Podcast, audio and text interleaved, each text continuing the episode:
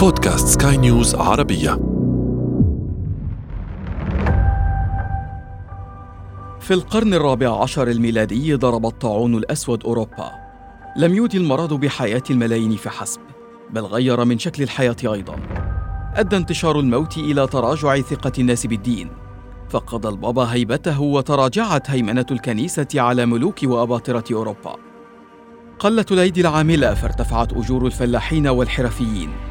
وأدى ذلك لانهيار نظام الإقطاعيات وتراجع نفوذ النبلاء. لم يكن الطاعون الأسود استثناء تعلم البشر أن بعد كل وباء أو كارثة تحل بهم. تحل معها تغيرات تغير من حياتهم. قد تكون محدودة التأثير حينا وجذرية واسعة أحيانا أخرى. ولن يكون وباء كورونا استثناء عن ذلك. أهلا بكم. أنا عمرو جميل وأنتم تستمعون إلى بودكاست بداية الحكاية. بداية الحكاية. عندما اجتاح الطاعون أوروبا في القرن الرابع عشر أودى بحياة عشرين مليون شخص على الأقل في القارة العجوز وحدها ونحو ستين مليونا في العالم أجمع. تشير بعض التقديرات إلى أعداد أكبر حتى من ذلك. تسببت موجة الموت تلك في تغيير قناعات وإسقاط مسلمات ومعها تغير شكل المجتمع الأوروبي. لم يعرف الناس ولا الأطباء آنذاك أن الفئران هي ناقل بكتيريا اليرسينيا المسببة للمرض. اعتقدوا أنه غضب من الله على الناس. ولما زاد عدد الموتى وشمل ذلك الأشرار والأخيار تخلى الناس عن إيمانهم.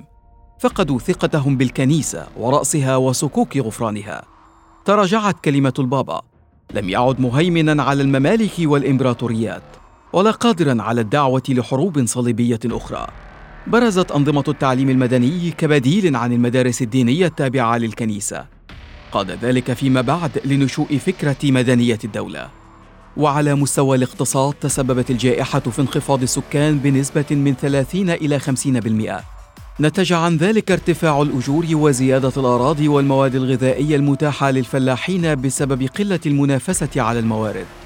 أنهى الطاعون نظام الضيعة الذي كان عنوانا للعصور الوسطى الأوروبية. وفي 2020 شل كورونا حركة العالم. أوقف حركة الطيران ومنع التنقل. وأجبر البشر على التباعد الاجتماعي. اعتمدت كبريات الشركات في العالم على نظام العمل عن بعد. اكتشف العالم أن هناك وظائف لا تستلزم الوجود المادي وأن وظائف أخرى يمكن التخلص منها وأن وظائف ثالثة سيكون لها الريادة في المستقبل. انتعشت تطبيقات التواصل المرئي والاجتماعي عبر الفيديو. والتسوق الإلكتروني. في القرون الوسطى لم تكن أوروبا المتضررة الوحيدة من الأوبئة. انتقل الطاعون مع الفئران التي اعتلت سفن جنوة والبندقية الإيطاليتين إلى موانئ مصر والشام الخاضعة للدولة المملوكية التي ارتبطت المدن الإيطالية بتحالفات تجارية معها. يصف المؤرخ المصري ابن إياس أحد أهم من أرخوا للعصر المملوكي في كتابه بدائع الزهور في وقائع الدهور. إحدى موجات الطاعون فيقول: اشتد أمر الفناء والغلاء بالديار المصرية وعم سائر ضواحيها ومات من أهل القاهرة والفلاحين نحو النصف. فلما اشتد أمر الغلاء وكثر الطعم نادى السلطان في الناس أن صوموا ثلاثة أيام متوالية واخرجوا إلى الجوامع. كان الطاعون واحدا من أسباب انهيار حكم المماليك لم تقتصر عواقبه على موت مئات الآلاف وأحيانا ملايين السكان في موجات لا تتوقف في مصر والشام. بل أيضا بسبب المجاعات والانهيار الاقتصادي الذي أعقب كل وباء. سمح ذلك للدولة العثمانية التركية فيما بعد على القضاء على دولة المماليك. وفي 2020 يرقب العالم من المنتصر في حرب كورونا. من سينجح أن يخرج اولا وبأقل الأضرار. تشن الولايات المتحدة حربا كلامية واقتصادية ضد الصين. تصفه أحيانا بالفيروس الصيني. توجه الاتهامات للصين بإخراج الفيروس من مختبر تارا وبسوء التعامل معه تارة أخرى وبإخفاء حقائق تارة ثالثة. لكن المؤشرات الاقتصادية تقول إن اقتصاد الصين يتمكن من امتصاص صدمات كورونا وربما بأفضل من الغرب وبشكل ربما يغير من موازين القوى ربما بأسرع مما توقع العالم. في القرون الوسطى غيرت الطاعون والكوليرا والتيفويد وجه الحياة في أوروبا والشرق الأوسط. كانت شوارع المدن الأوروبية مرتعا للعدوى والأمراض.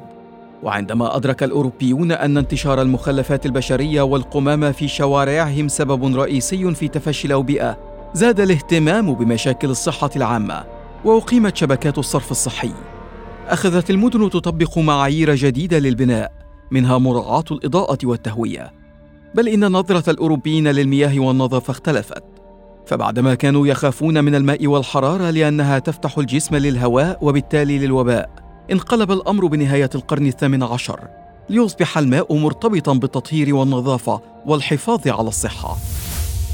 وفي 2020 أصبح تجنب التلامس أساسا في التعامل مع الجائحة. نالت الطبيعة تقديرا أكبر بعد عقود من تدميرها الممنهج. أدرك العالم أن التغذية الجيدة والنظافة الشخصية والمنزلية والصحة بشكل عام محاور أساسية للبقاء على قيد الحياة.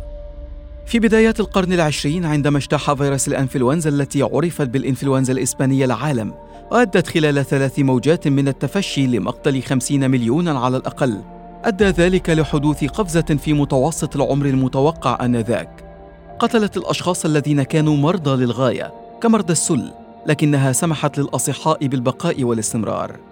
وفي خضم جائحة كورونا يحاول العلماء فهم كيف ولماذا يؤثر المرض على فئات معينة لماذا ترتفع نسبة وفيات المرضى بكورونا من أصحاب البشرة السمراء أو الصلع مقارنة بغيرهم؟ دفع الوباء الحكومات في الدول المتقدمة إلى التركيز أكثر على الإنسان، على الصحة والتعليم والبحث العلمي والخدمات الاجتماعية والعامة، وتطوير وتحديث البنى التحتية. في عصور أقدم شهد العالم أوبئة بينما كان عدد سكانه أقل والتواصل بينهم أبطأ وعلومه محدودة. أما في 2020 فالمؤشرات تنبئ بحجم أكبر وتأثير أعمق في حجم التغيير الذي سيحدثه الفيروس في عالمنا. ستستمر حتما الصراعات بين القوى الكبرى لكن الصراعات التقليدية ستتراجع مقابل الصراع التكنولوجي والعلمي والاقتصادي. سيعتمد البشر على التكنولوجيا أكثر في التواصل والعمل والتسوق. وسيفتح ذلك المجال للحكومات بمراقبتهم وللقراصنة بالتجسس عليهم وسرقة بياناتهم وثرواتهم. سيتم التخطيط لمدن ما بعد كورونا بشكل يجعلها صديقة أكثر للبيئة ومتكاملة. سيمر كورونا كما مرت الطاعون والكوليرا والتيفويد وكل الأوبئة التي ضربت البشر سابقا. ربما يكون من المبكر معرفة شكل وحجم التغيرات التي سيشهدها العالم بشكل كامل. ولكن الأكيد أن عالم ما بعد كورونا لن يكون مثل ما قبله وأن تاريخ كورونا سيكتبه فقط المنتصرون على الوباء.